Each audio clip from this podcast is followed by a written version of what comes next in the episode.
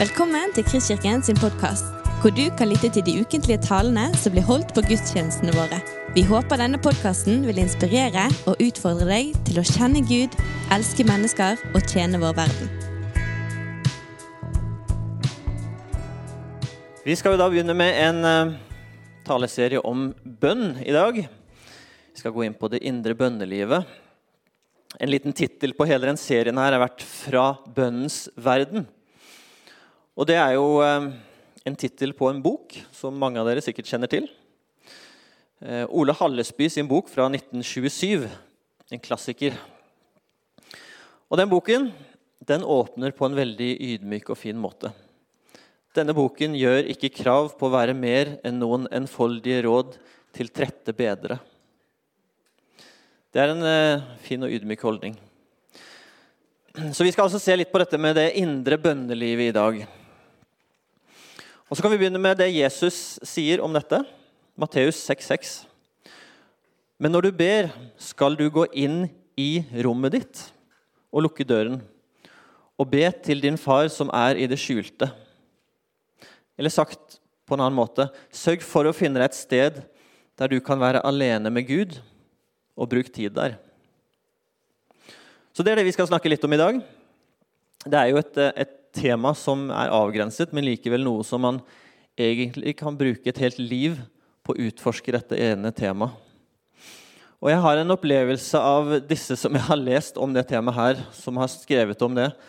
Jeg har en opplevelse av at jo mer de dykker inn i det, jo mer erfaringer de får i det, jo mer ydmyk blir de i forhold til sin egen forståelse av det og sin forståelse av Gud. Og Vi ser jo det i Ole Hallesby sin, sin innledning. Vi begynner med Hauge. Hans Nilsen Hauge, 100 år før Hallesby. Dere kjenner jo til denne historien. Han fikk den åndsopplevelsen i 1796 mens han pløyde åkeren.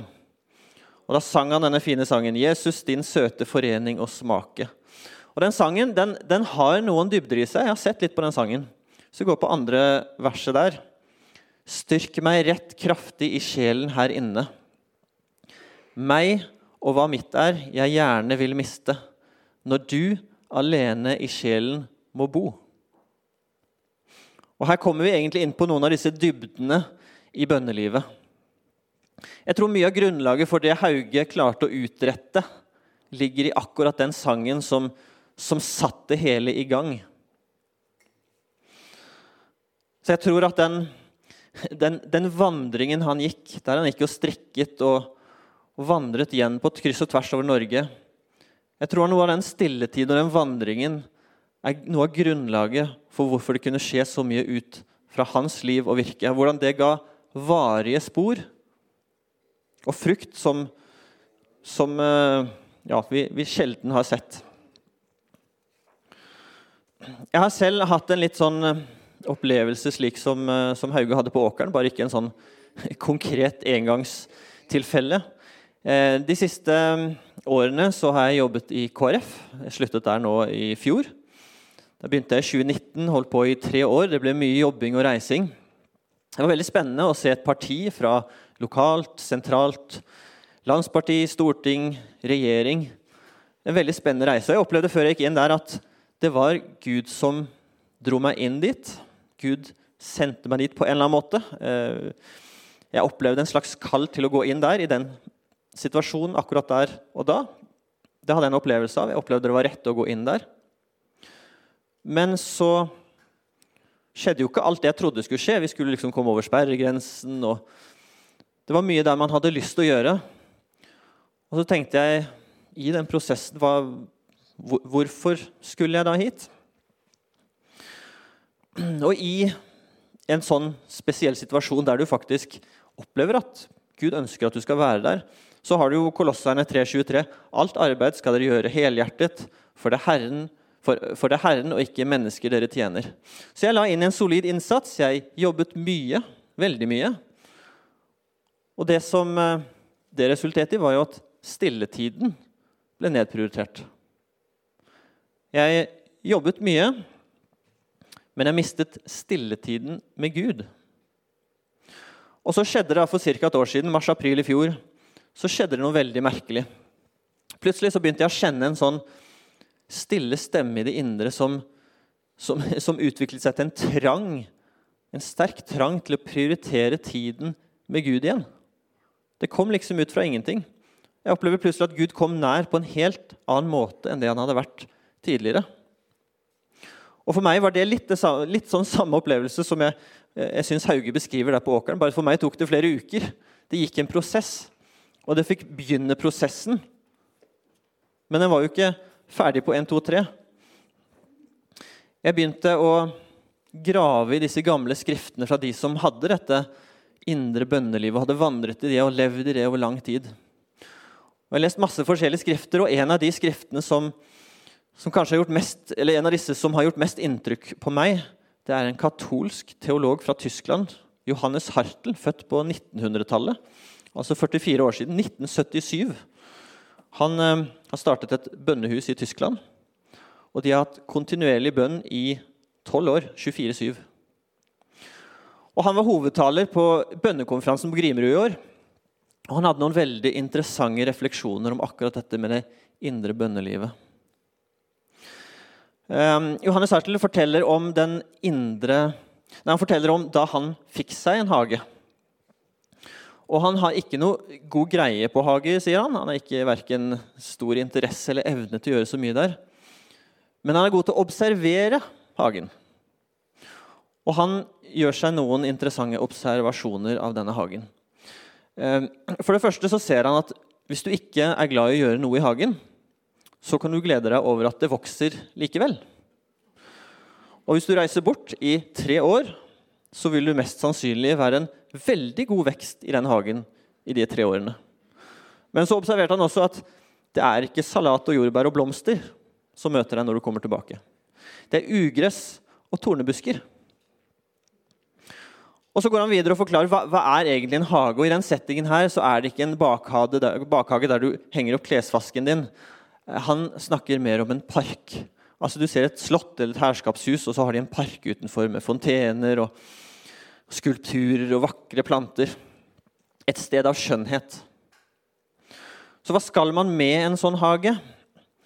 Det er jo ikke et sted der dyrene går og beiter, eller der du planter poteter. Det kalles et jorde. Han snakker om en hage. Hagen er en møteplass.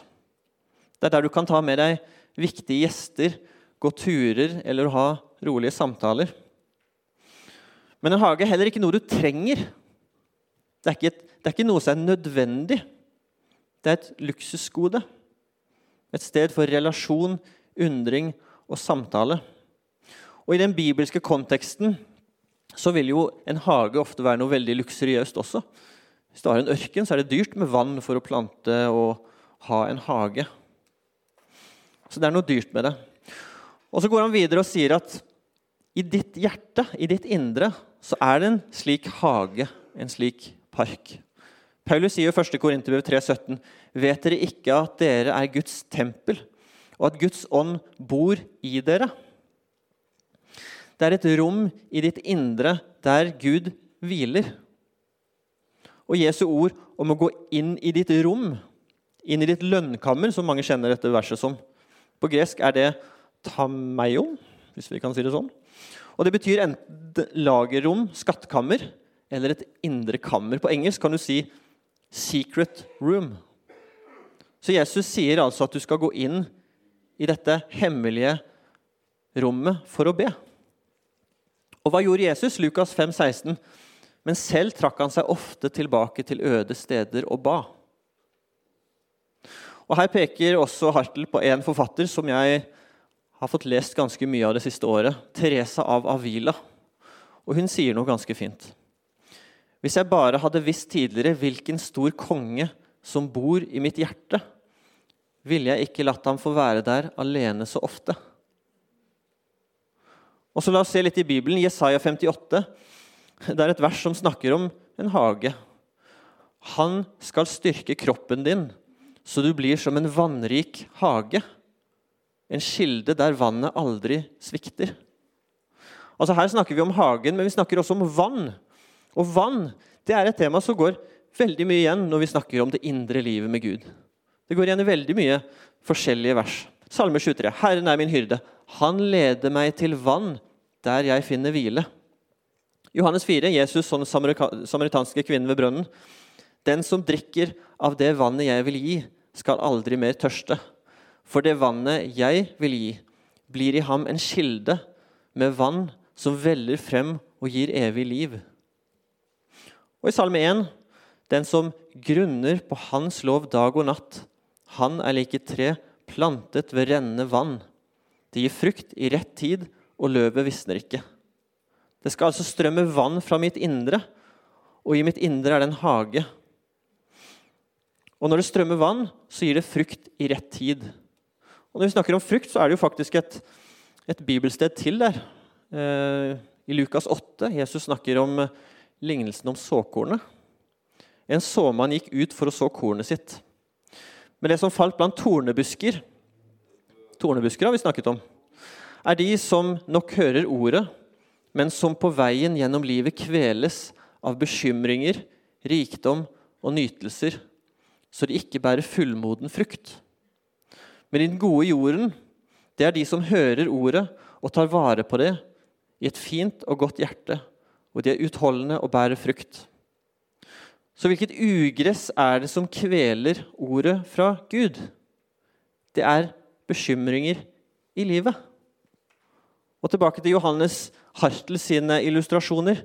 Når du er 16 år, så har du ikke så mange bekymringer. Du har hodetelefoner og fem T-skjorter. Men når du er 60 år, så har du 300 T-skjorter, to hus, én hytte, to biler, en ødelagt hofte, fire barnebarn, og det er fremdeles ikke blitt pensjonist. Og Mange av disse tingene er jo veldig gode. Det er gaver fra Gud.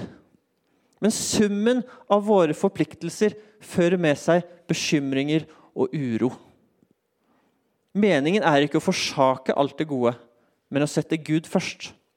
Matteus 5.: Søk først Guds rike og hans rettferdighet, så skal du få alt det andre i tillegg. Men om ikke vi tar gode valg og prioriteringer i livet, så kan disse tingene som egentlig er gode, bli avguder og holde deg borte fra det indre bønnelivet. Den gode jorden i livet ditt handler ikke om å ta seg sammen for, å få til livet med Gud. Det handler om å stille deg i posisjon, slik at Gud kan få gjøre det i deg.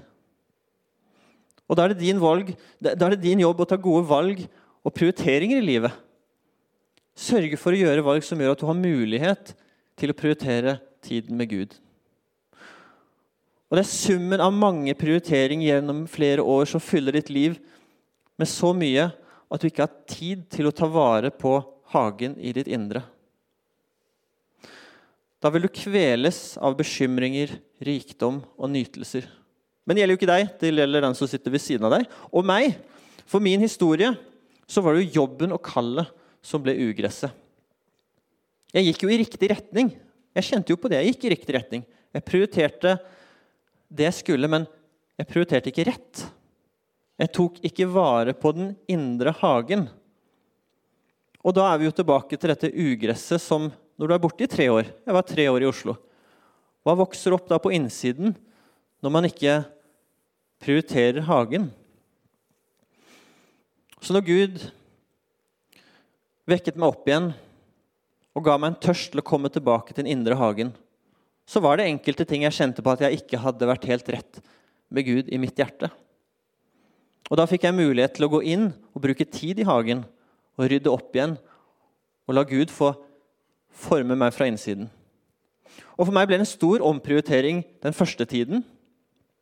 Men det var bare begynnelsen. Jeg må fremdeles ta små valg hver eneste dag for å sørge for at jeg prioriterer livet mitt slik at jeg kan ta vare på den indre hagen. Du kan ikke skape lengselen etter å være med Gud. Du kan ta den imot. Filipperne 2,13.: For det er Gud som er virksom i dere, så dere både vil og gjør det som er etter Guds gode vilje. Han banker på døren, men det er du som må åpne opp den døren. Og Nå snakker jeg ikke om frelsen, nå snakker jeg om å slippe han inn i livet som kristen. Åpenbaringen 3,20.: Se, jeg står for døren og banker. Om noen hører min røst og åpner døren, vil jeg gå inn til ham og holde måltid. Jeg med han og han med meg. Vårt ansvar er ikke å lage denne hagen eller å få vannet til å flyte. Men vi må komme oss i posisjon til å høre den hviskende stemmen. Vi må roe oss ned for å høre. Og Her er det ikke først og fremst det å be aktivt. Det er først og fremst det å være med Gud. Og det I rommet så eh, lærer vi også å gjenkjenne Herrens stemme, som vi kan lese i Johannes 10. Mine sauer hører min stemme. Jeg kjenner dem, og de følger meg. Og Noe godt opplever jeg at jeg har fått ut av denne eh, hva skal vi si, vandringen min disse tre årene. Og det er at det ble så synlig for meg at når jeg da ble dratt tilbake for et år siden, så var det så synlig for meg at det var ikke jeg som tok meg sammen. Det var ikke jeg som klarte å lese så mye i Bibelen. Det var ikke jeg som klarte å bruke så mye tid med Gud. Jeg kan ikke ta æren for det, for det var Gud som vekket meg opp. Det er Gud som gir det. Jeg kan bare stille meg i posisjon videre å ta imot det som han gir. Og Det er viktig å huske på i den videre vandringen. Ok, Vi har sett på at hagen er viktig. Men er det da bare å være stille? Ja, det kan jo ikke bare bare stillhet som er nøkkelen til Gud. Da vil jo alle sånn selvhjelpsbøker eller eh, folk som er ensomme og har veldig mye stillhet, da vil jo de blomstret på alle måter. Det er jo ikke stillhet i seg selv. Stillheten er jo der for at du skal få gjenkjenne den stille stemmen. Og Her kan vi gå tilbake til Johannes Hartel. Han har et veldig godt bilde på dette. her. Hvis du ser for deg en sånn puttekasse som disse ungene leker med, med sånn fire hull på toppen, så kan du ta en firkant, og runding, stjerne og, og trekant så du klosser du kan putte oppi. Og Han sier at det indre rommet det er som en slags sånn puttekasse. Men det er bare én åpning på toppen. Og den toppen den er ikke en firkant, den er gudformet. Det er Gud du kan putte oppi der. Den er laget for at Gud skal komme inn der. Det vil alltid legge en uro og en lengsel i vårt indre pga. dette gudskapte rommet. Selv om det er ulikt hvordan folk opplever denne uroen. Ole Hallesby, som vi begynte med, fra Bønnes verden, han har en fin beskrivelse av bønn. Bønn er en tilstand i vårt hjerte, en sinnstilstand. Bønn er en bestemt hjertestilling til Gud, som han i sin himmel straks gjenkjenner som bønn, som et rop til hans hjerte. Og Der ligger det veldig mye visdom. Og Så kan vi også gå tilbake til den Hauge sin sang, 'Jesus, din fore søte forening å smake'. Meg og hva mitt er, jeg gjerne vil miste, når du alene i sjelen må bo. Det er det indre bønnelivet, der Jesus får slippe til i dypet av vårt indre. Og du må miste deg selv for å finne deg selv. Det handler ikke om at alle skal miste sin egenart og bli helt like. Heller tvert om. Det handler om å rense bort det vi ikke er ment til å være, ha eller gjøre. Gjennom å søke Gud så finner vi sannheten om hvem Gud har skapt oss til å være. Det er løgnen om oss selv som forsvinner, slik at vi ser hvem vi egentlig er og er ment å være. Og så får vi kaste fra oss alt det som ikke er ment å være der på innsiden. Og Dette tror jeg er noe av grunnen til at dagens samfunn har så stort problem med dette å finne seg selv. For du kan ikke finne deg selv på egen hånd. Det er et rom i ditt indre som en puttekasse. Og formen har du ikke hvis du ikke har Gud, fordi den er formet som Gud. Og nøkkelen til den putekassen låser ikke bare opp frelsen. Den lukker opp døren til det indre livet med Gud. Til hagen der vi kan få vandre med Gud. Der han kan få være med deg i den hagen han har skapt i ditt indre. Husk hva Paulus skriver. Vet dere ikke at dere er Guds tempel, og at Guds ånd bor i dere? Ja, så Hvor mye tid skal vi bruke i den hagen? Den er veldig viktig. Vi skal bruke mye tid i hagen. Ok, Skal alle gå i kloster, da? Er det retningen her? Vi kan jo høre med Johannes Hartl igjen. Han bruker minst fire timer hver dag. Kalenderen hans er alltid booket, slik at frem til klokken tolv går det ikke an å få en avtale med han. Da er kalenderen hans full. Og Han sier han trenger disse fire timene for at vannet skal flyte i hans liv. Og Han bruker minst én time for å roe seg ned. Men så sier han også at det trenger ikke være fire timer for deg. Det kan være fem minutter, 30 minutter, én time. Men han og hans kone i hele småbarnsperioden så sørget de alltid for at begge to fikk hver sin time hver dag. Selv i ferier. Han skulle egentlig bli munk, men så møtte han sin kone, ble gift, de fikk fire barn og har etablert en stor kirkebevegelse i Tyskland. Altså, de har bønnehus, de har bønnekonferanser, de samler over 10 000 mennesker.